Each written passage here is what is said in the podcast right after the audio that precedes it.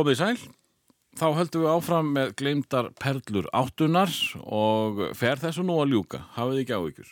En eins og vennilega þá hef ég leik á eigin vali og eh, ég ætla að byrja í dag á lægi sem að Mitch Úr gerði og var hans eh, fyrsta smáskefa heitir No Regrets en gestur minn í þetta skiptið heitir Bræi Guðmundsson.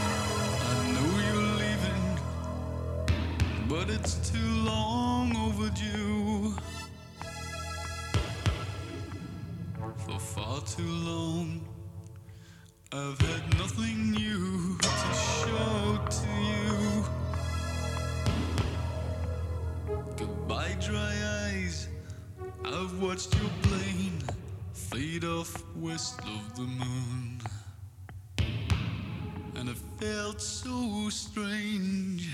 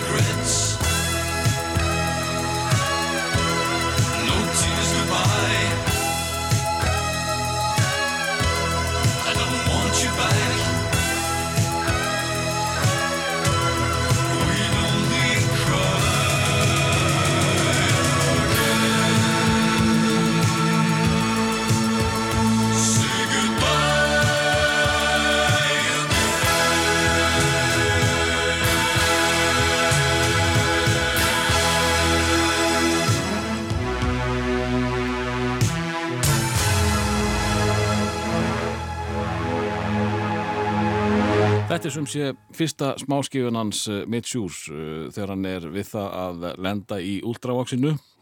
Og það má alveg heyra uh, ultravox í þessu. Já, já, já, já, og uh, megin ástaf fyrir því að ég skelli þessu í gang núna er þessi nýja plata hans uh, uh, Orchestrated, hefur þið heyrt hana bræði? nei, ég er ekki búin að heyra hana. Hann er að lauma lægi og lægi á Spotify og hann er búin að senda inn fimm lag, lög þar sem hann er búin að sinfóa uh, stikkin sín Já, og þetta er bara sami fyrir sinfó já, já, Þetta er alveg stórkostlegt á köfnum sko. Þetta er svona gæsa húða og jafnvel tár í auga. Já, hann er búin að vera döglegur núna í sístu árin að senda frá sér músík. Já, já, hann, hann fyrir kannski ekki mikið fyrir honum áður, en, en hann er að, Þetta er hörkustöf. hörkustöf og þarna er hann semst að taka allar perlundan sínar og symfóa Já, og þetta er alveg bara á köflum alveg magna, sko. Alveg magna, þannig að ég mæli eindreið með þessu. stórt band. Stórt band, symfóníu hljómsveit og, og vesen, en Bræi Guðmundsson, velkomin. Já, þakka þið fyrir það. Og takk fyrir að bjóða mér. Uh, sannur heiður að fá því. Uh, þú ert norðanmaður, er það ekki? Jú, svo sannlega. Og uh, hvað, hvað dvelur þú lengi þar?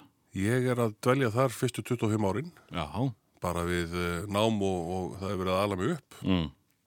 gekk bara bærilega það Já, ekki? ég held það. Já. Og svo, svo flytt ég söður og, og hérna, byrja að hérna, vinna í fattabúð og, en samt alltaf með svona útastbakteríuna einhverstaðar hérna, dormandi skróknum, þar sem ég hefði náttúrulega verið við útvarp fyrir norðan. Nú, Já, já, já, ég var á hljóðby, hljóðbylginni og svo á fróstarásinni og já, já. á öllum þessu stöðum. Fyrst í launaseðlinn kom hérna á hljóðbylginni þegar ég var 15 ára. Nú. Þannig að ég er búin að vera í þessu síðan í 1987. 1987, já, þannig að þú náður mér að koma inn í áttuna og, og taka þátt í þessu. Já, já. Já, Ég, ég, fyrsti þátturinn minn var vinsaldaristi hljóðbylgjunar og það var uh, haustið 1987 mann með þess að fyrsta topplægið var hérna Why Can't This Be Love með The Van Halen já, já. og svo voru hérna lög eins og Frozen Feelings með Jan Bang Mm. er nú gaman að ríða það upp bara allt í einu svona óforvarendis það hefði alveg geta verið á þessum lista sem við erum að fara yfir og eftir Það er bara svo erfitt að finna það, það er bara til á YouTube, sko. Já, Ég hef búin að leita ofta að því, sko. Já, þetta er, þetta er flott lag og hérna voru margir sem heldur því fram að, að uh, Morten Harket syngi lagið. Já, ég vildi halda því fram, ég var Já. eitt þeirra. Já, Og ég var einmitt að googla bara á dögunum og, og uh, svo hérna leiti ég yfir, þetta er svona lítið um hann, sko. já, Aðeins talað um Frozen Feelings uh, plötuna, stór, hún heiti það líka stóra platan. akkurat. Og þar stendur Morten Harket og ég bara, yes, þetta er Morten. Nei, þá söng hann bakrættir í einhverju lagi. Ég skilji, var það þá bara söngari sjálfur eða, og lagahöndur í Jambang sem, Þetta var bara bangarni sjálfur sem, sem að söng þetta, sem sko. Og hann er ekkert ólíkur uh, Morten, og má eiga það, sko. Já, já, það En, voru menn allt í stílum. já. Eh, En hvað, þú veist, uh, sko, þú, hvað erstu gammal þegar, þegar þessi áratugur hefst? Uh, þegar, ég, þegar áraturinn hefst þá er ég átt ára, Mm. ef við miðum við bara við 8, 1980. Mm Ég er samt byrjað að hlusta tónlist. Að einhverju viti? Já, mamma, hérna, hún kemur heim með uh, tvær plötur sem að urðu alveg, hérna, fóru mikið á, á fóninu og ég hlustaði alveg eh, endalaust og það var uh, Night at the Opera Mm. og Day at the Races með, með Queen. Og það hefur uh, haldið? Er, er, ertu þá þessi kvínmaður sem á? Já, Queen er alltaf einhvern veginn á alltaf stað Mm. og hérna, og fyrsta popplatan sem ég eignast, fyrsta popplatan sem ég held á og er bara mín plata Mm. var The Game með, með Queen. Já, það er, það er hérna Crazy Little Thing og það er það ekki? Já. Já. og Save Me og, og, og svo náttúrulega Play the Game, hérna mm. titilegið og svo fór að fylgja blötun með ELO og, og hérna þessi bönd alveg, ég maður hlusta á þetta Þetta kemur sem sé frá móðin. já, Þú ert- áttu ekki eldri sískinni eða nei, ég er restur þú ert elstur? og ég, ég er ekki nema bara 5-6 ára þegar ég er að byrja að hlusta á, á Queen Já. og þessi lög, Bohemian Rhapsody náttúrulega bara, hérna, kom bara með móðumörkinni sko. nánast þannig að þetta er hérna það, það, og þetta, það er einhvern veginn ekki hægt að hugsa sér betra tónlistarlegt uppeldi heldur en Freddy Mercury og félaga Það er náttúrulega mikið til í því að því þetta, er, þetta er stort. Já, Þeir eru lítið að vinna með já, nákvæmlega. Eins og, að að vera ungu drengur og, og, og fá hérna Bohemian uh, beint í æð sko, það, það áttu til í flest held ég. Já, nákvæmlega sko. þá, þá, þá er bara búið að afmega þig. Já, og svo kosti að því setna að uh, Queen fengu ekkert voðalega góða dóma hjá bresku pressunni. Nei. þeir voru að nýða þá nýður alveg endalust á þessum tíma. Og þegar ég aukvölda þetta döguna þá ég bara sár fyrir mínu menn. Að, hérna, að eitt af þessum æsku böndum mínum hafi verið nýtt í, í pressunni Já og var það ekki bara gegnum tíðina Jú, veist, svo tókuðu náttúrulega, þú þetta var þeirra heyday, svo Já. tókuðu dífuna með, með, hvað er það, Space? Nei, já, Hot Space Hot Space? Já, sem er, sem er enda plata sem að svona í, hérna, í fyllingu tímans er, að- er að nádolti hérna, fótveist á nýjuleik. Hún er nefnilega nokkuð góð Hún er nefnilega alveg fín, sko. og þá meira segja þegar þeir ná aftur uh, fyrir hæðum og bara hæstu hæðum með, með uh, hérna ekki The Works Jó, og svo hérna Kind of Magic. Já, Já. Þa, þá voru þeir ekki ennþá einu svona töff í Breitlandi sko. Þó, að, þó að þjóðin hafi elskað á en skrýpendar aldrei aldrei að þeim sko. nákvæmlega. Það er einhvern veginn engin spámaður í einn föðurlandi, og það og Og það er ótt að segja það um, um okkar uppáhaldssveit sem, sem er dýpust mót. já. Þeir hafa einhvern veginn aldrei náða að heilla tjallan halmennilega. Nei, ekki allan ekki rétta fólkið og, og, og maður er búin að sjá miljón lista, besta þetta, besta hitt aldrei sem á okkar menna á þessu. Nei, og bestu 80s lögin og þeir eru kannski að svamla um í 94 eða eitthvað já, með Enjoy the Silence eða í akkurat. þannig að, eh, já, spámenn einhvað síður Já, á þetta að segja. En uh, sko, höldum okkur hérna fyrir norðan. Uh, að því ég held að ég bara búin að vera með fólk hérna af söðu vesturhóttuna mestuleiti, kannski eitthvað um sveita fólki manna ekki nákvæmlega já. en uh, fyrir norðan uh, sko, ég veit ekki hvort það sé fyrir þig að dæma það en heldur að hafa verið eitthvað annað í gangi þar heldur en hér? Nei, ég held í raunin ekki. Eh, Það sem að gerist náttúrulega er, eh, er þetta að að þessi, þessi bönd, Elo og Queen eru það sem ég er að heyra í kringum mig Mm -hmm. og svo náttúrulega eru alltaf einhverjir, einhverjir strákar sem að er að hlusta á þessi yðnaðar bönd sem að áttu þær að koma setna Asia, Rainbow uh, eitthvað sem að heillaði mig aldrei. Mm. eitthvað svona hárbandarokk vegna þess að þarna var uh, ég búin að heyra elektrónikina. Ég vil meina það að þegar ég fæðist 1972 þá hérna, ákveða menn að fara að smíða synthesizer Já, og svo er hann bara tilbúin hérna um svipa lit og ég er að byrja að hlusta á músík. Er búið að testa. Bragi tilbúin í þetta, skellum þessu í gang Þannig að hérna, þetta hefur alveg sagt, verið mitt hljóðfæri fyrir hérna, auk þess að ég náttúrulega reyndi að spila þetta á sín tíma Mm. og var, var ekki hérna, erindi sem erfiði. en hérna, Það er náttúrulega eitt sko, sko ef að þú ert alveg upp að Queen já, þá er voðalega erfitt að spóla tilbaka og fara í foreigner og, og, og, og, og, og eitthvað þess átta sko. já, Það er svona gerfi Queen eitthvað. já, það, er- það er það. Það er enda sko, uh, það sem gerist setna, ég, ég uppgötta plötuna Hysteria með Def Leppard Mm. uh, upp úr 90. Þá loksins er ég tilbúin að hlusta á eitthvað svona, eitthvað svona bandarokk. Já, og hérna og sé, þú sé að það náði sér ekki lengra það rist ekki dýbra heldur en það og þannig að það er svo plata á, á svo sem alveg, alveg stað en það er ekki margar aðra svona einhverjar hérna, svona einar rockplötur sem að hafa áttu upp á allaborðið ég get ekki sagt að ég sé mikill innar okkari en uh, Asia var fyrsta plata sem ég eignaðist. Hva- fyrir mína eigin peninga held ég sko. já, og ef ég man rétt þá held ég að Asia 2 hafi verið plata nummer 2 sem ég eignaðist sko. já, en uh, maður er ungur og vittlus, átt ekki svona. Já, já. þú átt ekki að dæma menn. Nei, alls ekki, alls ekki.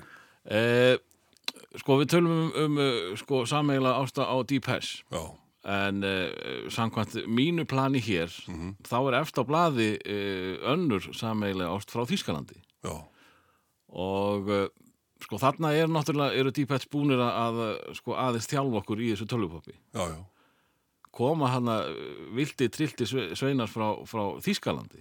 Já. Og ekki, ekki var það nú mikið síðra. Nei, þeir svona sverja sitt allt í anda þessara, þessara sveita sem að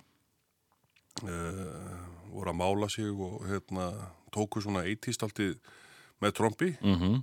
og hérna þú séu þú sér þess að menn aldrei brosa. Nei, nákvæmlega. Og það er kannski bara ástæði fyrir því að ef þú ert svona mikið málaður og fer að brosa þá bara lítur út eins og trúður.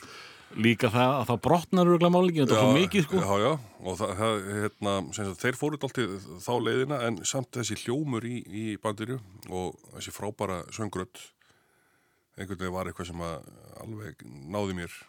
Þetta náði rosalega, sko, þetta, þetta, þetta er akkurat okkur, okkur aldur. Uh, Alfa vil koma þetta inn á, senuna með Big in Japan og ná rosalega mörgum, Já, ekki vestnirða með Forever Young. nei, Þannig að platan seldist nokkuð vel. Já, já, og þar var fullt af, af, af lögum sem að náði ekkert mikið lengra. Eins og þetta lag sem að þú velur hér, já, já, sem að var á vísu smáskífa en uh, fór ekkert í spilin hérna á Íslandi að einhverju viti, sko. nei, en það var eitthvað samt eitthvað svo kunnulegt við það þegar ég náði að rifja það upp aftur eftir, þú veist, þegar maður var að hlusta á auðvitað hlustaði maður á þessa best of þetta First Harvest blötuna Mm. Það sem að maður gætt fengið hérna alla toppsmellina á einum stað. Mhm. Og hérna, og þetta er, voru bara töffarar og hérna, það voru flottir lagatillar, reyndar sumir skrítnir inn á milli eins og Lassi Lassi go home, kom, kom home sem er geggja laga á þessu. Og hérna, uh, og svo myndbandið, það er, hérna, það er flott, ekkert brosað. Í þessu lag, ég hef ekki þetta. Nei, Já, þeir, þeir voru að spara brósin. já, þeir voru að nefnilega. Já, þú veist, enda, sko, kallt nýbylgju pop og frá Þýskalandi. Já, Uppskriftin er ekkert að brosa, held ég, sko. nei, nei. Og svo er það þessi, þessi dramatík í, í röddinni Já, sem að, hérna, heitlaði líka. Og það, hún kemur alveg sérstaklega fram í, í þessu lagi. og, og það er náttúrulega, sko, talandi um dramatík, þá er opposins dramatík í hljóðunum. Já, já, Sko, hljóðmeistarinn, það var það sem að heitlaði mig mest uh, við Alphaville. Það var soundmeistarinn sem að var með á fyrstu tveim plötunum. Mhm. Hann hætti á þriðju plötunni, en það fannst mér það bara algjörst drasl. já, aftur nú sín og Utopia hétt hún ekki. Nei, það var önnurplatan, já. og hún var mjög góð líka. Já. En þriðja, þá er eiginlega bara komin gítar og eitthvað svona vesinn Já, sem, sem við viljum ekki sjá í svona Já. tónlist. Og þá bara mistuður það alveg um leið, sko. Já, mér var stefnað aftur nú sín Utopia, mjög fín plata. Hún var vannmittin, sko. Já. Uh, en uh, þar, var, sko, þar var bara Do You Want to Dance With Me Já, sem er ekki eftir stert lag og, og uh, Big in Japan og Forever Young og þetta dót, sko. Svo kom hann að Jérúsalem, Var það... það var á aftur nú sín Utopia líka. Já. Ágættislagi líka, en það náði ekki unni Nei, veist, það voru ekki sömu smelli til þess að selja plötuna þannig að Nei. platan gleymdi sko það er náttúrulega Universal Daddy það var Já, já. eiginlega fínt sko Já, það var alveg, alveg fínt. Sérstaklega tóldóman. Já, nákvæmlega, hún var alveg geggjuð Já. En heyrum hér Alphaville og lag sem að Bræði Guðmundsson velur af Victory of Love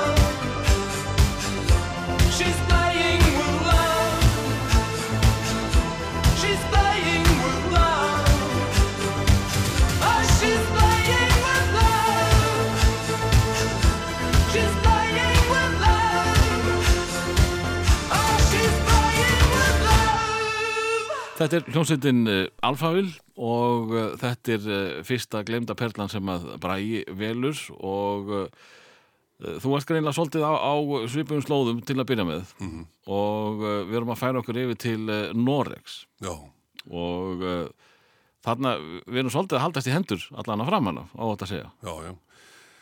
Þarna er eh, sko band sem að ég hef bara einhvern veginn uh, haldið með frá upphafi, Ertu búin að fylgja þeim frá upphæði? algjörlega. Aha. Ég bara, hérna, ég steinlá fyrir Take On Me Mm. og uh, svo kemur hérna uh, Train of Thought, næsta lag, frábært lag og svo, síðan þegar kemur hérna Sonor Shines on TV, þriðalagi, þá, þá náttúrulega er maður alveg, Það áttu killu flattur. það var alveg, alveg killifrættur sko. Já. Þannig hérna, það var bara ekkert aftur snúið og, og uh, sko... fara síðan í Hunt and High and Low og Já. þannig að það fara endalust að algjöru snill sko. fyrsta platan er frábær sko. Já, já, hún er alveg frábær og hérna, og svo var ég fyrir svona hálfgerðu áfallið þegar ég heyri í plötu nummer tvö að þá var hérna svona elektrónikin aðeins farin að víkja fyrir dálítið hörðum gítar mm. hjá Pól Vaktar sem að var svona aðal að laga höfundur og örlega réði mestu þarna Mm.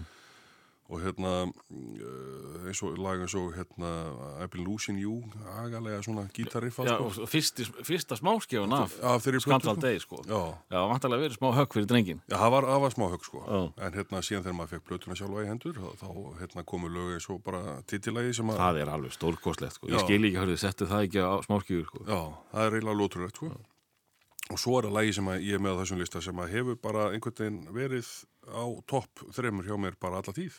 Uh, Ég var nú bara að heyra það á dögunum að uh, samstarf þeirra hafi verið gífulega erfitt alla tíð. Að þeir hafi bara rifist eins og hundar og kettir uh, bara frá fyrsta degi, hefur eitthvað heyrt að því? Þetta hef ég hýrt Nei, og, og að því ég var eitthvað að tala um þeir eru nýbúin að gefa út svona unplugged plötu, Já, nokkuð sterka? Já, og uh, þá voru menna að, að spýra mig byttu hvernig náðir saman eftir allt það sem uh, undan er gengið? Uh, ég held að þeir myndur aldrei geta hist aftur og eitthvað svona. Já, uh, en þú hefur ekki heitt að þessu? Nei, þeir, þeir verast eh, reyndar eh, ítrekka vera reyna að hætta. Mm gengur illa. Gengur illa að hætta, þeir hérna, kom einhvern veginn alltaf saman aftur, það er alltaf einhverjir homecoming og, og hérna, sem sagt, farewell tónleikar í Oslo Já. og hérna, og alltaf er fólk að kveðja þá en þeir einhvern veginn, hérna, heils alltaf á nýja leik. Þetta eru svona, þetta eru svona strákanir okkar í já, það, uh, það er kallaði þá þegar það er uh, vesun og þarf að þjappa þjóðinni saman þá er það aha sem að syngu þjóðina saman sko. nákvæmlega. Sko. Og þarna kemur örgulega þessi, hérna, uh, sem sagt, arfleið uh, frá Freddie Mercury, það sem að ég heitlast af flottri söngrödd mm. og hérna, það gerast ekki mikið flottar hefður en hjá Morten Harkett. Þar er ég sammálaðir Mér finnst hann sko, svo tæra og fallega rödd og, og uh, að því vorum að tala um þessa MTV-plötu Mhm. þar er hann sko 58 ára gamall hljómar hann alveg eins og bara fermingadrengur Já, þetta er alveg ótrúlega. og hann lítir líka þannig út Já, já. Hann, hann er ekkert að tapa útildinu heldur sko Nei, nei, hann er, hann er svona svipar eins og Gulli Brím.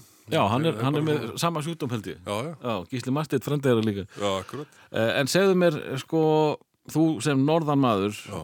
uh, náðu þú að fara? Eh, Þegar þið komið hérna 87, Mm. þá er ég 15 ára gamall og hérna, uh, þetta er að, mér minnum ég að hausti til. Þetta er, um- þetta er, jú, þetta er um, bara hásumar Þetta er bara hásumar, eða eitthvað og ég er náttúrulega býð fyrir norðan og þetta var, var kostnaða samt á þessum Mhm, tíma og hérna, ég svo sem imbraði á því á heimilinu hvort ég mætti fara, en hérna, Það var ekkit, ekkit góð undir þetta Nei, það var, það var ekki fara lífið þá. En hérna, það er aldrei, aldrei að vita nema hérna, þetta er ekki eftir að gerast að ég eftir að sjá það á tónleikum. Já, en þú- ég hefði viljað sjá það á þessum tíma. Ég, er nefnilega, ég fór á báða tónleikara sko.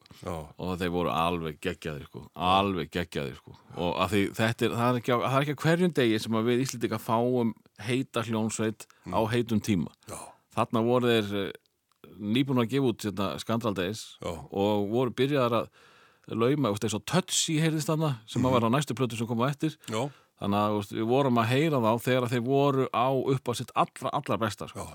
og uh, enda þurftu náttúrulega tvenna tónleika til þess að metta þjóðina já, heldur betur. en uh, þetta er uh, hljómsveitin AHA sem við erum ekki búin að minnast á uh, og lagið heitir Manhattan Skyline We sit and watch umbrellas fly. I'm trying to keep my newspaper dry.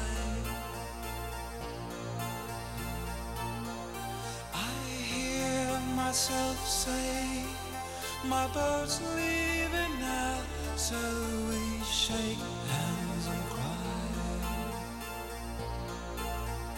Now I must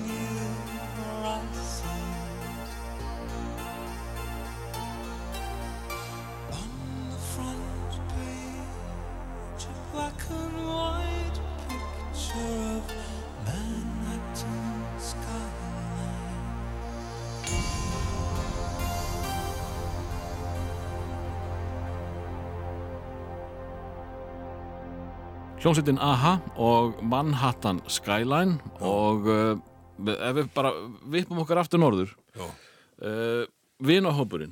Mhm.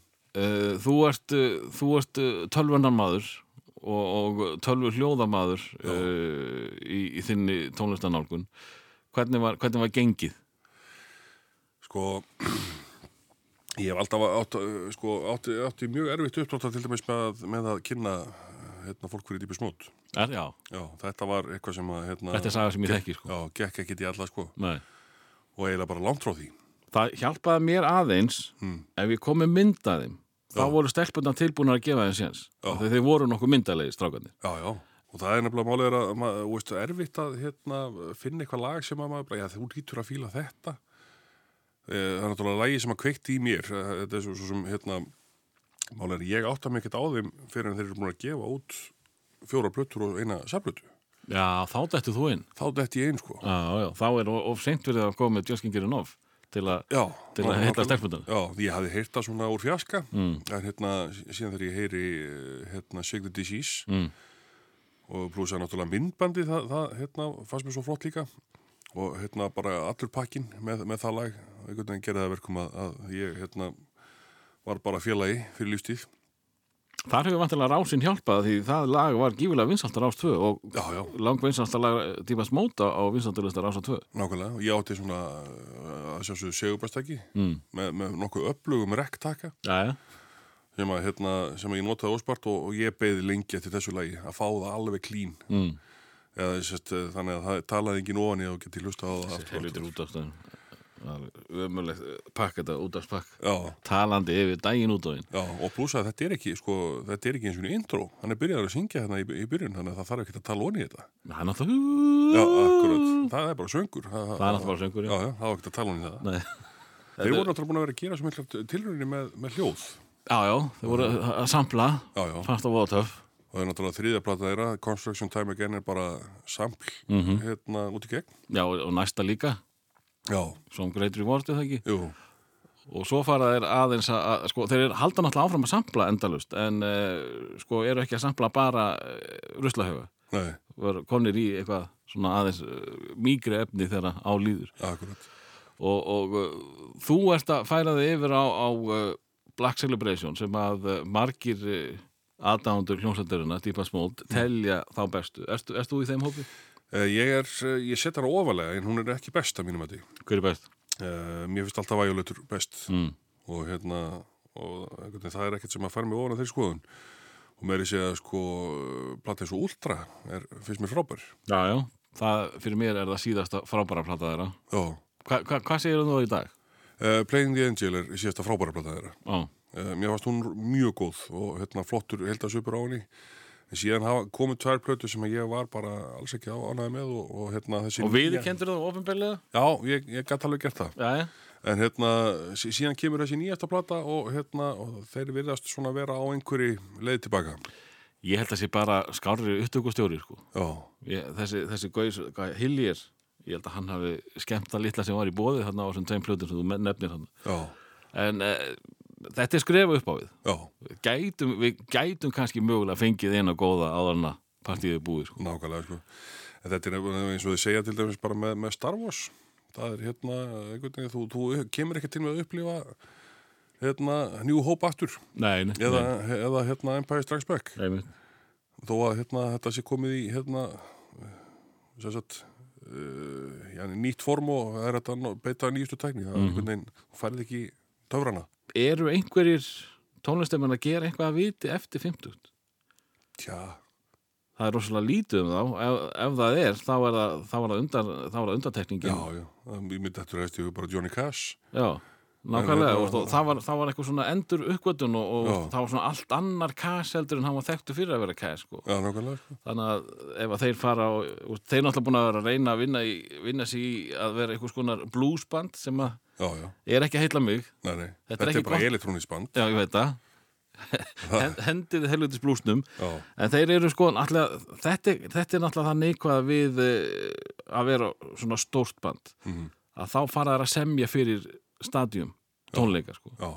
þeir geta ekkert verið að semja litlar perlur sem að hljóma eins og hálfviti þegar það eru 100 manns að hlusta það þarf að vera er vera eitthvað, eitthvað, eitthvað stórt sko. Nákvæmlega. En þarna eru þeir eh, sko, lægi sem þú velur er einmitt af, af Black Celebration Mhm. og þarna eru þeir fyrir mér sko að ná uh, að toppa sig alveg. Og þetta fyrir mér er, er Black Celebration svo besta sem er svolítið magnað því það er engin það er engin hittari á plötunni. Þetta er kannski það sem að náði hæsti það ekki? Jú. Voru náði ekki með- svona topp 10, held ég. Voru þetta með spurningarlögin tvö, já, Question of Lust og Question of Time. Já, og uh, þeir gá ekki og út hérna titilægið einmitt, sem einmitt. að er, uh, þannig sé gæti alveg að hafa voruð smellur líka en samt ekki, það er einhvern veginn þannig. Já, uh, og, eðlisínum. og það var mikið á rólegulegu já, og, og hérna þeir meira sér gerðu lag á, Some Great Reward sem að hétt uh, It Doesn't Matter. Þarna skelltu þið bara It Doesn't Matter 2 já, já, Ha, því ekki. Akkurat. Og svo, svo var hérna, held ég, Fly on the Windscreen var uh, einhvers konar svona töföld uh, smáskífa með einhver öðru lagi. Það var með stript held ég. Þa, það var einhver bastardur sko. Ég á það held ég á svona 7-8 12 tómum. Já, alveg enda, þú veist, enda hétt mixið á plötunni final mixið eitthvað Já, þeir voru búin að leika sér með það endalega sko. já, já, En uh, þú ákveður að velja lag sem heitir Stript og uh, það gerist vart mikið betra.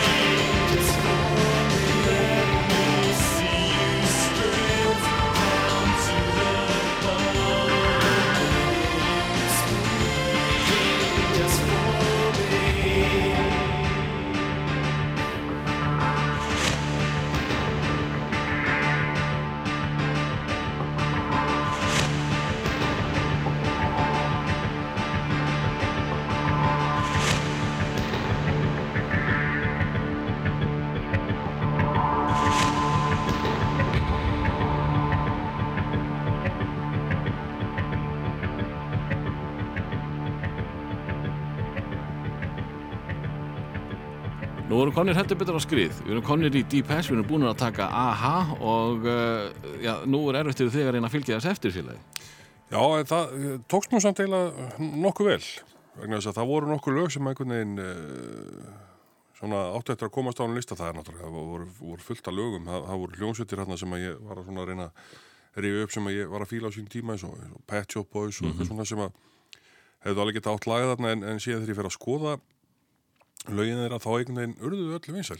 Já, og það er ekkert pet shop, sko, við erum komin í þáttum með 24 held ég, ég ef ég maður, þetta var ekkert pet shop húslag. nei, Með datt í hug, sko, hérna, ég ætlaði að byrja á einhverju lagi núna í dag, já, datt í hug að taka rent með pet shop sem að var ekkert rosa vinsælt, sko, Mhm. já, en mér finnst það geggjað í dag, sko, já, en uh, ég hefði tekið að hefði, hefði hérna, mitt sjúr ekki verið að gera þessa uh, orchestrated plötu sína. já.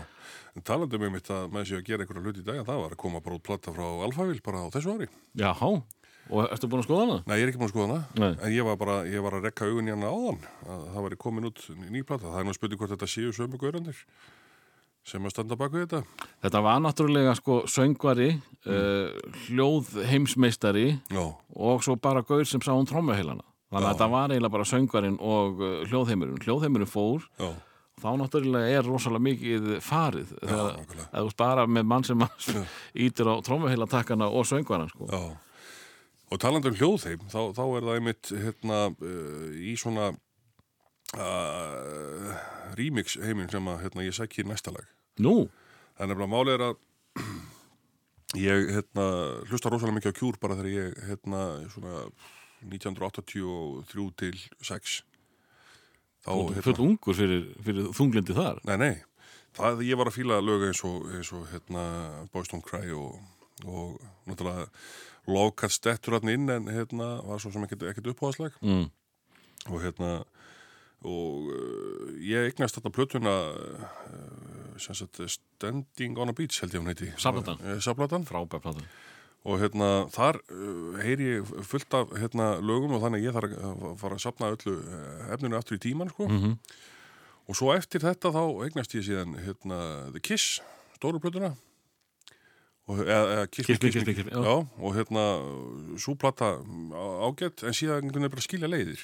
Nú, og ég er svona hérna hægt að pæla í kjúr. Þeir eru að gefa út einhver plötu sem ég hef einhvern veginn engan áhuga eignast eða hlusta á eða eitthvað, eitthvað svoleiðis síðan kemur út uh, remixplata. Miksta. já, Já.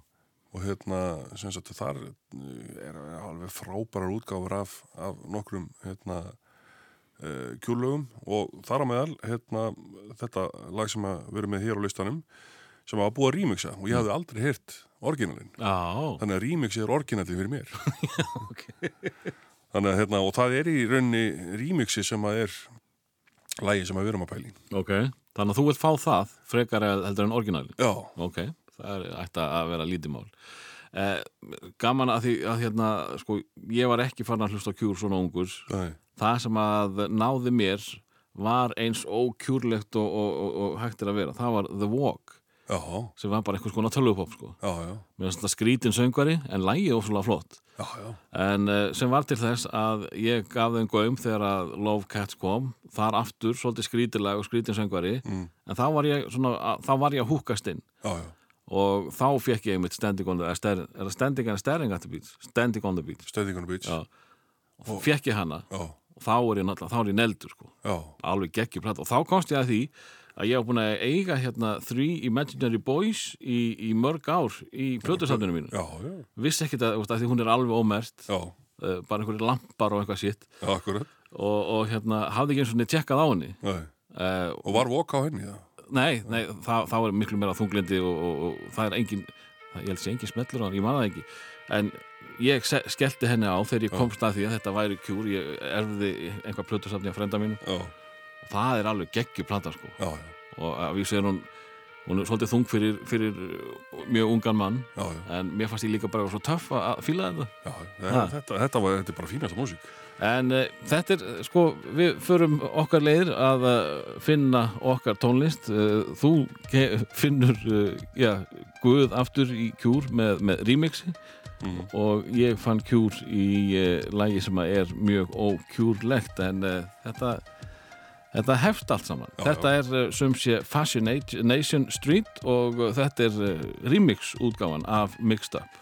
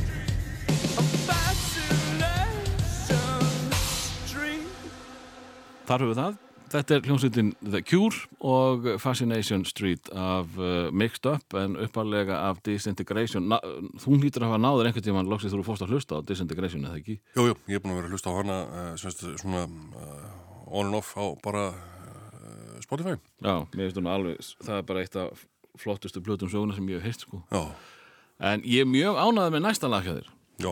Ég held nefnilega að ég var einn í þessu liði Nei, nei, það, er- það, það hljóta að vera fleiri í þessu liði. Ég, Þeir eru ekki margir. Nei, Það er uh, K.A. Bang-liðið já, En uh, fyrir utan það, þá er öllum skýt saman með okkar menn, ind og sín já, sem ég, ég held ég í þrjára fjóra plötu með þeim. Já, ég á tvær. og þú átt þá þessa fyrstu, þetta er að fyrstu plötuna Já, ekki? og svo á ég þessa fjólubláu með blómunum framar á. Ég man nú ekki alveg hvað hann heitir, svona í augnablikinu.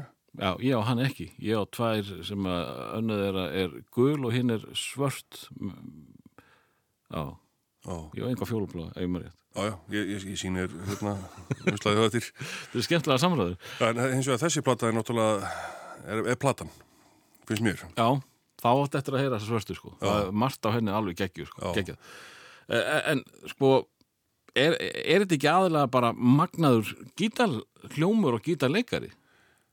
Jú, það og svo náttúrulega bara þessi, hérna, þessar stóru útsetningar. Mm. Og veist, þessir, þessir svakalegu syndar og, og, og svo náttúrulega þessi, þessi gítarleikari sem að e, þessi fjallægð á gítarnum. Já, og hérna og svo er söngarinn alveg merkilega svona heillandi. Já, hann svona hálf geltir þetta og hann er ekki mjög, uh, hann er ekki mjög næs, hann er ekki með fallega rödd. Nei, nei, en uh, einhvern veginn svín virkar og þetta er bara pop, hann syngur eins og hann sé að syngja punk eða eitthvað sko. já, já, en uh, svona svín virkar inn í þetta frekar fágaða pop uh, frakkana. Já, já. Uh, og st- ég skil ekki alveg hvaða stöðu þetta band hefur í Fraklandi vegna þess að ég er búin að sjá myndir á tónleikum Mhm. þar sem alveg sko 100.000 manns eða eitthvað, allir alveg trilltir já. og, og það var talið hérna í K.O.Bang og allt vittlust og úst, ég var að skoða á Wikipediunni úst, þeirra helstu sigra í Fraklandi þeir eru ekkert stórir. Nei, en samt eiga er rosalega mikið fólög allir þetta sé eitthvað svona risa kvöldband ég held að þetta sé ekkit ósvipað bara eins og okkar menn í, í, í Dýpus Já. sem eiga bara sinn fanbase. Einmitt, einmitt. Og og, hérna- hann er rosalega sterkur og, og, og, það er bara ást. Já, já, Já, það, það er bara, það er ekkit fórknir það, Mm. það er bara þeir, hérna og þeir koma til með að fylgja þeim í gegnum súrt, súrt og sætt sko. Þó að komi tvær lélega plötur þá, eru, þá hérna, hættir fólk að geta að hlusta á ljónsutina eða, eða kaupa einmitt og hérna, ég held að sé svona svipa með eh, Indosín Já, ég, ég er ekki frá því, sko, ég held að þetta útskýri allt saman, sko, mannstu hérna þegar það komu uh, nýlög eða nýja plötur hérna til Íslands uh, frá uh, Já, sko, Dóri í plötubúðinni talaði um það Já. að það var ekkit sem seldist jafn hratt á Íslandi eins og Edge Mode og Paul McCartney. Já, ok. Þannig að hann þurfti að kaupa þessar uh, 50 Deep Edge Mode plötur og eiga þar allar strax. Já, annars er allt brjálað já, en hann mátti ekkert kaupa mikið fleiri af því að það myndi ekkert seljast. Ég það er bara strax, fóruðar allar já, og svo bara búið. Já.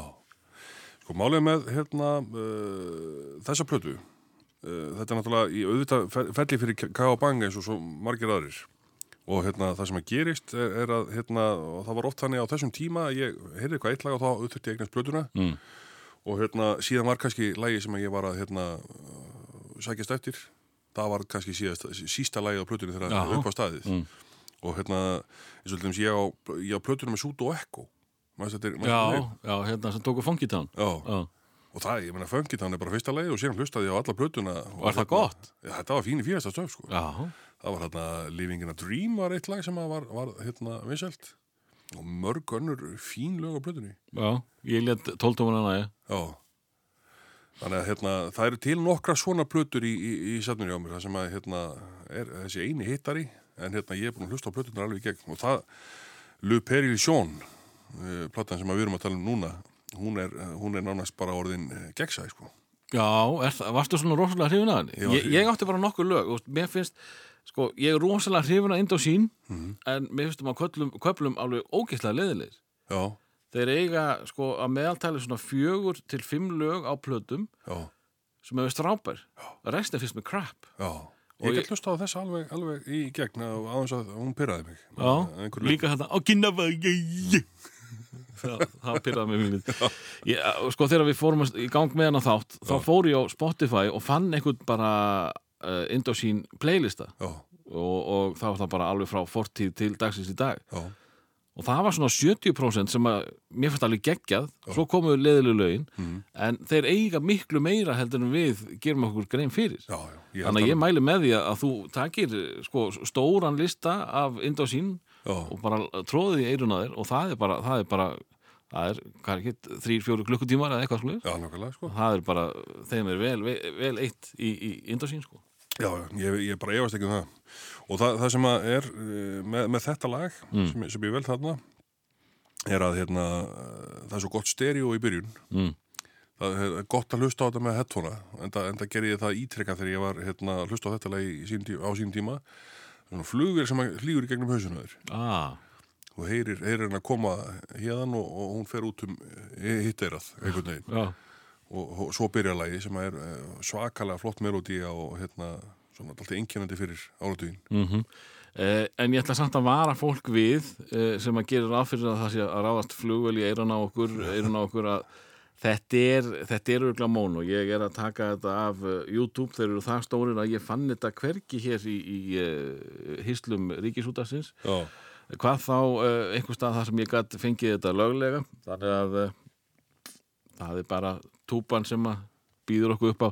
Ég ætla að lefa þér að segja okkur hvað lagið heitir það heitir uh, L'Ouest de Java. Takk fyrir það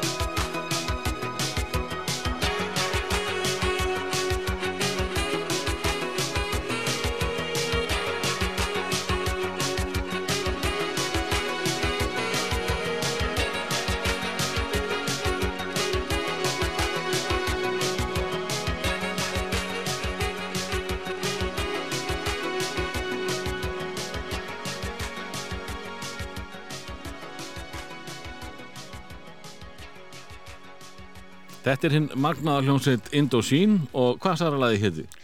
Eh, Lest Djava eitthvað eitthva, eitthva um það bíl ég, ég bara hlusta á það sem hann segir í hérna dæstanum og reynir síðan að herma eftir. Uh, ég pína ánægði með að sko, þú ert ekki búin að halda þig á uh, Breitlandsegjum allan tíman, það er smá Þýskaland, uh, Frakland. En uh, síðan við að halda okkur á, á Breitlandsegjum þar sem eftir er. Og uh, ég geti trúað því að næsta sveit sé svo vinsalasta hjá viðmæl- viðmælendum mínum í, þessari uh, þáttaröð. Uh, og margir kenna skonrokkjum Já, og uh, það er madness. Og nú skal þú uh, segja mér uh, af hverju ert þú með þá á þínu lista sko málið er að, að hérna, ég er alveg sammála þessu með, með skorrakið mm. Þa, það bara, maður settist beinlinis fyrir framann sjónvarpi til þess að horfa á þættina til þess að eiga mögulega vona á matnesmyndbandi Já, var það nummer eitt? það, það, það var oft þannig sko. Já, þess að þetta voru bara skemmtilegustu myndböndin þetta var eiginlega bara spaukstofan á hann og spaukstofan byrjaði Þetta Já, var eina gríni sem við fengum já, já. Já, og hérna og sí- síðan og maður var, þurfti að horfa á þetta hefst, að fullri aðtigli mm. -hmm. að því að ekki var maður að fara að horfa á þetta aftur nei í bráð Já, það var ekki til videoteiki af þínu Emily eh, allan eh, svona ekki á þessum, þessum tíma og hérna og uh, það var eins með, eins með uh, Madness að uh, maður gætt svo sem alveg hérna farið yfir listan og bara, jú, þetta var allt saman vinsælt mm. Ég sé þá hérna náttúrulega voru sum lög sem að einhvern veginn náði ekki alveg sama flugi eins og Michael Caine Já, sem er hörkulag. Já. og þar hefði ég örglega frekka vilja velja tóltómana en, en hérna sem er frábær. Mhm. og einhvern veginn miklu betri heldur en orginalin Já, það, það, það var svolítið á þessum tíma. Já. Sérstaklega hjá þeim uh, sko hljómsveitum sem að eru kannski ekki endilega danssveitir. Já, að þær leifðu sér svolítið að gera skemmtilega hluti á, á tóltómanum já, já, veist, þetta var bara þeirra sko útgafa af, af tóltómum og stundum var þetta ekki endilega danshæfara nei, nei. En það var bara fullt af ruggli og, og, stuði sem að Já, þeir sko, þetta var þeirra uh, já, þeirra leika sér að, að, með þetta form. Já, já, núna flip. Já, að geta hérna aðeins, aðeins leikið sem þetta og, það, og einhvern veginn maður saknar þess að, að heyra þessar, þessar extended versions af, af lögum sem að hérna uh, eru kannski góð í dag? Varstu hérna varstu tóltómu kall alveg svakalegur. Já. alveg svakalegur. Og það hérna sko, kannski er hvað ætlum við um eitt miklum uh, pening í, í tóltumar á sínu tíma sem varð síðan alveg verðlaust Já, þegar þetta fór allt á netið og, og, og núna er netið svolítið sko að að verða úrelt vegna þess að þetta er allt komið á Spotify. Já, en þar eru þessar útgáfur ekki til. Þannig að kannski er, er þetta að aðeins að, að hækka í verðið aftur hjá okkur þessar tóltamur sko. ég geti nefnilega alveg trúið því. Ég sem sagt, hef búin að vera fletti gegnum þetta. Uh, Ég á til dæmis myndplötu af Manhattan Skyline. Já, tóldóminni hvað, hérna, hvað voru þeir að gera tóltáminum? Jú, ég á hana líka. Hún er frábær, Já, alveg frábær. Og hérna þá eru þið bara búin að lengja í þessu og hérna taka smá svona uh, hljóð út og röddin nýtu sín betur og það er lengra gítasólu og, Mm. og hérna þetta er bara uh, þarna kunnu þeir að gera þetta. Það, þetta, er kannski, þetta er kannski hugmynda af næstu serju Já, góða tóltómur áttunar já, nákvæmlega. Það er nefnilega fullt af dóti sem að, úst, að því stundum var þetta bara allt annað lag e, og hérna e, sko stundum var þetta bara gert miklu betur menn, menn vönduðu sér jafnvel meira heldur en eh, í sko, sko smáskíðunni sjálfur sko. Já, já.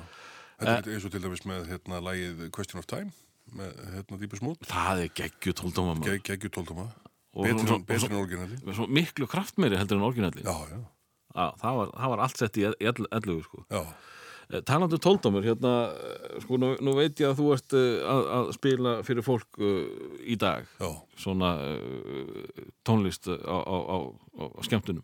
Mhm. Varstu byrjar á því snemma? Varstu að gera það fyrir norðan? já, ég var hérna, ég satt að segja, ég byrjaði sko bara strax í barnaskóla Já, að allan að tengja græðunar og búa til einhvers konar músík fyrir, fyrir þá uh, nefnendur. Já, fyrir, fyrir hérna bara dansleiki. Já, og þá var þetta bara spóla sem þetta rúlla. Já, og með, með þögnum á milli sko. það, veist, þá, þá var hérna þá þá var ég ekkert búin að kynast þessum, þessum plötusnóðabransa, en síðan þá var maður fljótlega bara farin að hérna, spila í, á þessum stöðum fyrir úlninga á, á Akureyri og, og hérna, hvaða staðir eru það? það var náttúrulega Dínheimar Dinheimar sem að Já. halda sér eh, halda nafninu í dag vegna þess að það er alltaf eitthvað Dinheimar balli er það ekki á hverju ári Jú, en Halló hérna, Akureyri eða hvað sem þetta ein með öllu já, en hérna Dinheimar, sem, húsi sem slíkt er ekki lengur uh, dansstaður. Það er bara, hérna, uh, nafni Dinheima er einhvern svona haldið á lofti. Hvar var þið hú, húsið? Það er rétt hjá samkómuhúsinu. Uh, Leikhúsinu? Já, Já, já bara það rétt fyrir neðan í brekkunni. Mm. Og mér sé að hérna, leikfélagi hefur verið að nota þetta hús að einhverju leiti. mm Og hérna verið með uh, síningar þar. En ég veit svo sem ekki hvað stað sem er í húsinu núna, en hérna, en nafnið hefur einhvern veginn aldrei glemst og þetta hefur verið í sjalanum, það hefur verið Dinheimabal í sjalanum. Já, einmitt Voru fleiri svona ungmennastaðir í bóði? Nei, það er eiginlega ekki. Það, síðan þá hérna var þetta bara fyrir eldra fólk. Ég spilaði á, í sínum tíma í, á skemmtvistanum Sebra sem að hérna uh, kom svona í kjölfarið á bleika fílnum og þar á undan H100. H100, já, það, ég, það er eina sem ég man eftir að þessum, þessum nöfniðinu Og hvar, hvar voru þessi staðir? Uh, H100 var bara í Hafnastætti 100 og uh, ég held að sé nú bara, ég veit nú ekki hvað, hvað er þar núna. En hérna, þetta var svona skemmtilegu staður, var á mörgum hæðum og, sagt, og síðan kemur bleiki fílinn þar á eftir og er, er einmitt skemmtilegu staður á mörgum hæðum. Í sama húsi þá? eða? Já. eða hvort að Sebra hafi komið hættin á milli allan að hérna ég greip nú í hérna alltaf annars slæðið en síðan þá var einhvern veginn sjallinn alltaf mjög stöður ég hérna spilaði þar mikið á, Mm. á sín tíma og hérna og svo tók ég mér bara frí En, en sko, sjálfið er náttúrulega svo rosalega stór já, og það þarf mikið til þess að fylla hann. Varstu þá bara í háleik hjá hljómsveitum eða, já oftast nær já, þá, þá bara hérna sagt, eh, það, þessi staði var bara þannig og maður fekk alltaf góðar 20 mítur hálftíma oft til þess að hérna spila. Og hérna þetta voru oft, oft stæstu bölnin sem að maður spila á. Já, og hérna, en núna er eh, skemmtilegu fyrir norðan það er bara mjög blómlegt það er, ég skal ég segja þér sjálfa löstu það ekki? uh, sjálfinn kemur svona dettur alltaf inn annars lægið Það er, er á ekkert að breyta þessu í hótel, er þetta bara, ég, ég, ég veit það ekki Nei. ég bara, ég þór ekki að segja það er alltaf alveg að fara að gerast og svo Já. gerist ekkert. það er alltaf hérna Já, en hérna, þetta er bara eins og með aha já. Fá bara Sjálfan- hattil svo loka þessu. já, nákvæmlega en hérna, síðan þá bara einhvern veginn eh, Páll Óskar kemur alltaf hérna aftur og aftur og, heldur sitt ball og, Mm. og ég var með þess að spila hann í brúkaupi á dögunum og mjög gaman og Já, þetta er leikt út í brúköpminu sér. Já, já, þetta var bara, þetta var frábært brúkaup sem ég spilaði þarna og var, var bara á sviði. Já, Já, þannig að- leið bara pínlítið eins og Páli Óskar eða ekki? Jú, jú, Já. já, alveg Er einstakt. ég sá einstakt mynd hús. að því?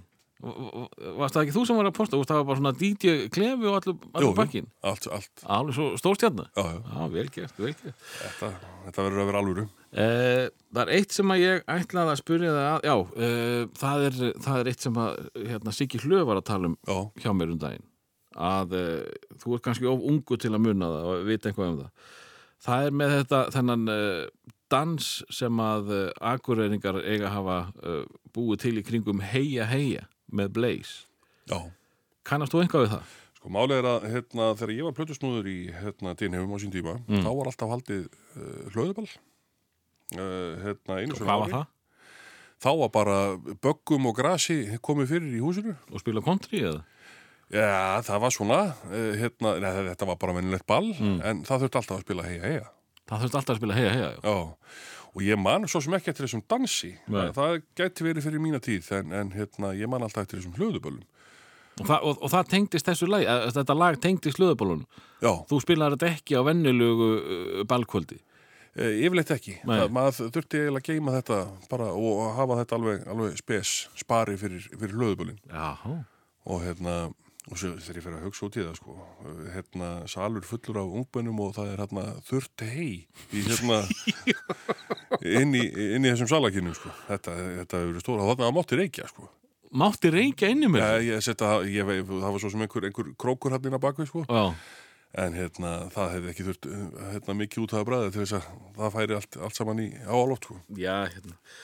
Herðu, nóg að, af uh, sögum um, uh, um uh, svona uh, næturgleði. Já, Við ætlum að fara í Madness og uh, já, þú þurftir að fara þessi við listana því mikið er uh, alls ekki gleymt. nei, En þetta er svona semi-gleymt og þetta er eitt af þessum góðulegum sem eru freka gleymt. já, Og eitt, eh, svona aðeins, eh, frá þessum fyrri, fyrri tífabili Madness, þá er þetta svona eitt af nýlegri lögun. mm.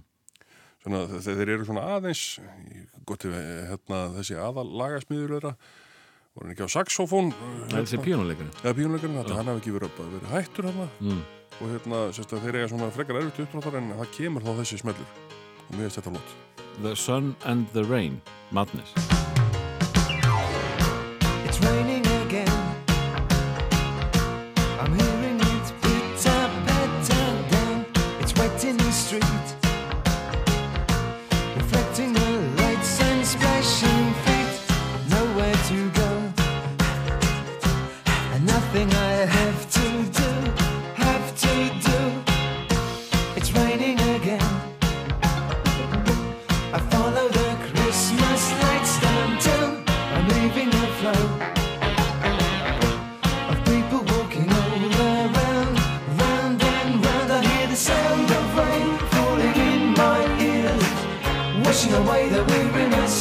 tears. I can feel my troubles running down, disappearing to the silent sound. Just walking along. My clothes are soaked right through to the skin. I haven't a doubt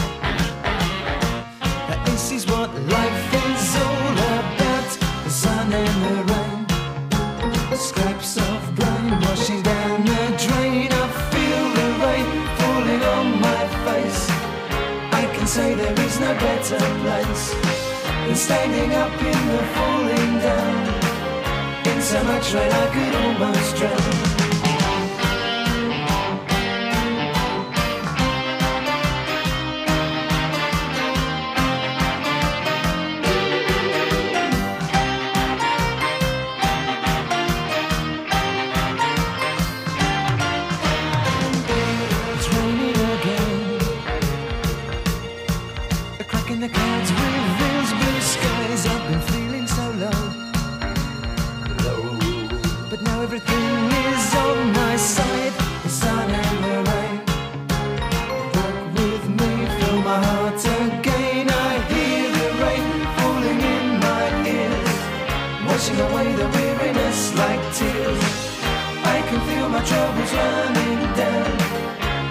Disappearing to the silence and I feel the rain falling on my face.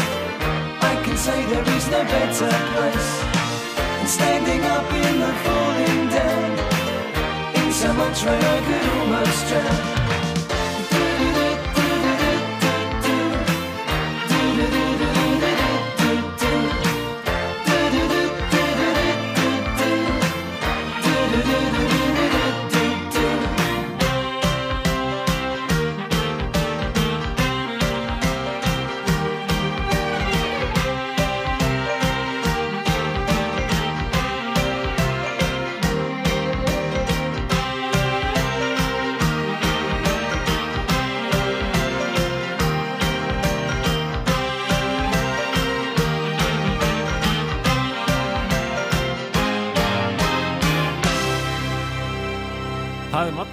Sem eiga næst síðasta gleymda uh, smellin hans uh, Braga Guðmundssonar og uh, nú förum við í alvöruna. Við uh, við ætlum að loka þessu. Þá uh, dugir ekkert annað en uh, Big Country, Nei, eðlilega. Langt og gott lag til að hafa þetta svona til að það sé álveru glassur í, í blálókin já. uh, segðu mér, hvað var það sem að hyllaði þig við þessa sveit? Sko, það er eiginlega bara allir pakkin. Þetta, þetta er svo fáránlega gott band Mm. og hérna þeir eru með sko greinlega algjöra snillinga á hverju einasta hljófari Mm. og hérna og svo ekki síðast og síðast en ekki síst þessi rödd þetta, en, þetta, þetta einhvern veginn ber alltaf að, að sama brunni ég heillast alltaf að þessum þessum röddum Ég, ég, sko, mér finnst þetta nefnilega ganga upp uh, þegar að, þegar að hérna, sko, röddin Hmm. Er uh, einhverjum áttundum neðar heldur en gítarvælið. já, Þess vegna náði ég aldrei sambandi við uh, heavy metal og hárböndin þar sem að röddin og gítarinn var alltaf í sömu já, töldur já, voru bara að slást um aðteglina. Þarna erum við sagt með rödd, flotta rödd og svo segi bara röddinn, jæja, gerið þið svo vel gítarans, nú megið þið taka solo Já. ég, nú ætla ég að draga mig í akkurat, og þá fá þeir, að, að, að, fá, fá þeir sviðið. Já, ég er eiginlega bara áttum að á þessu núna. Þetta er ástæðan fyrir því að ég hef aldrei meikað þetta þennan hármetal og, og þetta væl. Akkurat. Og þetta er bara uh, bara uh, þetta, þetta gengur allt upp uh, úst, hérna, öll þessi lög sem er gerðu vinsæl voru frábær. Mm. og svo náttúrulega bara þegar maður eh, hlustar á plötunar en allar þessar pælingar og hérna og uh, þessar perlur sem eru bara inn á milli allstaðar mm þetta er bara uh, og Big Country verður einhvern veginn alltaf eina þessum uppáhalds sveitum þó maður kannski nefnið ekki hérna, sagt, uh, að hún sé uppáhalds. -hmm. ég meina þá er veist, það er ekki hægt annað en að halda með halda upp á Big Country. Ég, ég spilaði hérna Steeltown í, í gegn. Og, og það var svona mín plata.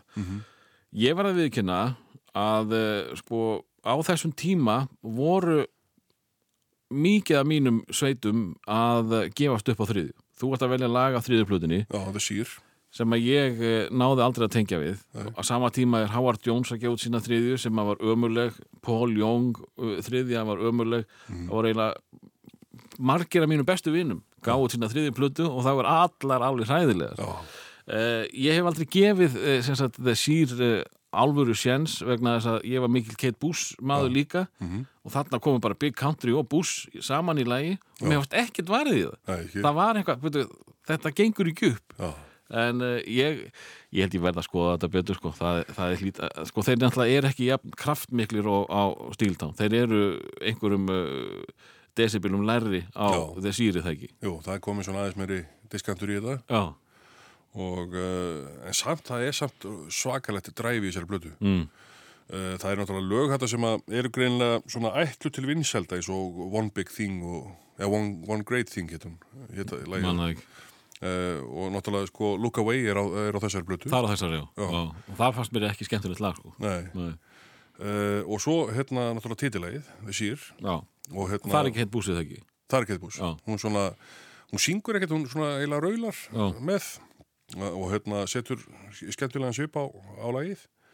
En hérna síðan þegar, þegar maður sagt, uh, þannig eru þessi lög sem eru svona smellirnir en síðan koma öll hinlögin sem, er- sem eru mjög góð. Mm. og hérna þetta sem að ég valdi toppar plötuna algjörlega. Þetta er síðasta lagið á plötunni. Sem er oft skemmtilegt að lagi Já, og bara bindur hana algjörlega saman sko. En þú veist, er þetta svona eins og mjög oft með síðasta lagi af plötunu, er þetta, er þetta öðruvísi, er þetta, er þetta, er þetta skrýtnasta lagi af plötunu, myndur þú segja? Sko málið er að þetta hérna, eh, byrja svona verka rólega Mm. og síðan endar þetta bara á því að þeir hérna, bara uh, sleppa sér lausum bara hérna, taka hljóðfærin og, og, hérna, og búa bara til eitthvað, eitthvað moment sem að bara eh, hérna, er mjög einstakt Uh, og þetta var uh, tvöföld uh, aðlið, Já, ah. með, með sír Já. en hérna, ég held að bara náttúrulega útilokað að finna þessa útgáfu mm.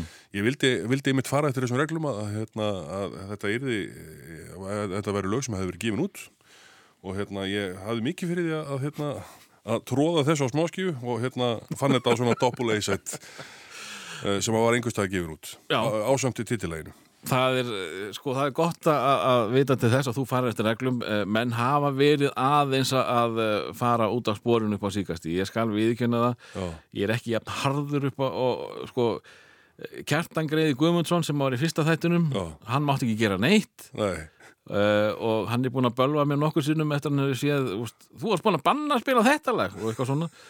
Þannig að það var mjög erfitt að byrja, en svo kemur þú svona rosalega löglegin í, í blá lokin.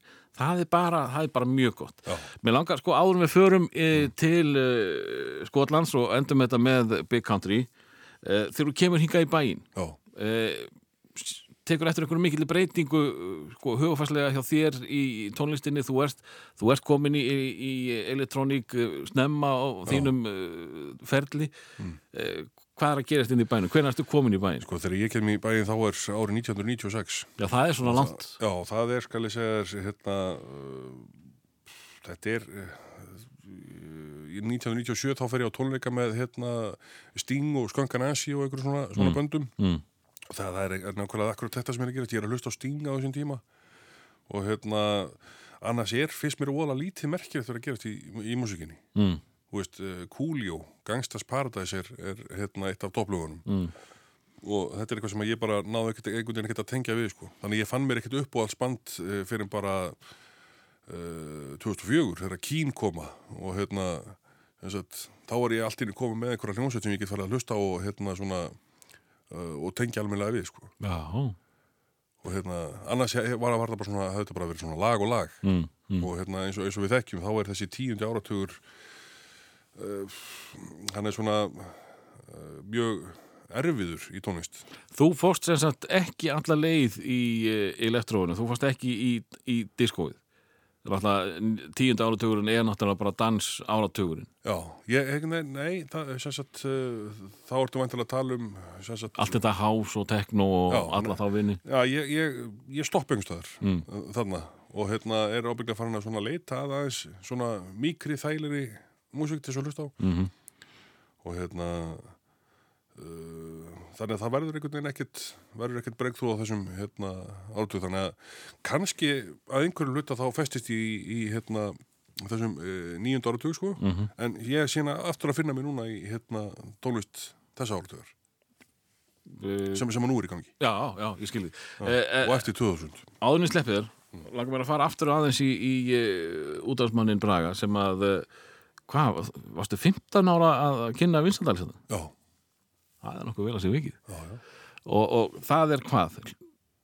Hvað hétt sústöðu aftur? Þetta var hljóðbylgjan Hljóðbylgjan og, og Eh, 101,8 á Akureyri 101,8 Já, sá mikli snillingur Pálmi Guðmundsson, eh, Bimbo sem að eitt sem var með stúdíó Bimbo Mm. hann var útastjóri þarna og hérna lagði línundar Mm. Og hérna Og hvað, og hvað, hvers konar, var þetta einhvers konar bylgja eða FM eða Rás 2 eða hvað? þetta var bara svona vinalegt uh, útvarp með hérna áæslur á bæjamálin Já, er það? Já, og það voru hérna menn eins og Snorri Sturluson og Þráin uh, Brjánsson og Kjartan Pálmarsson þetta eru, þetta eru nöfn sem að þekkjast úr útvarpsbransanum Mm og þá sérstaklega þarna fyrir Norðan -hmm.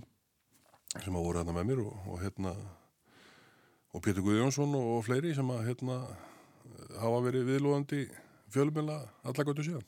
Og, og uh, fer hún undir eða?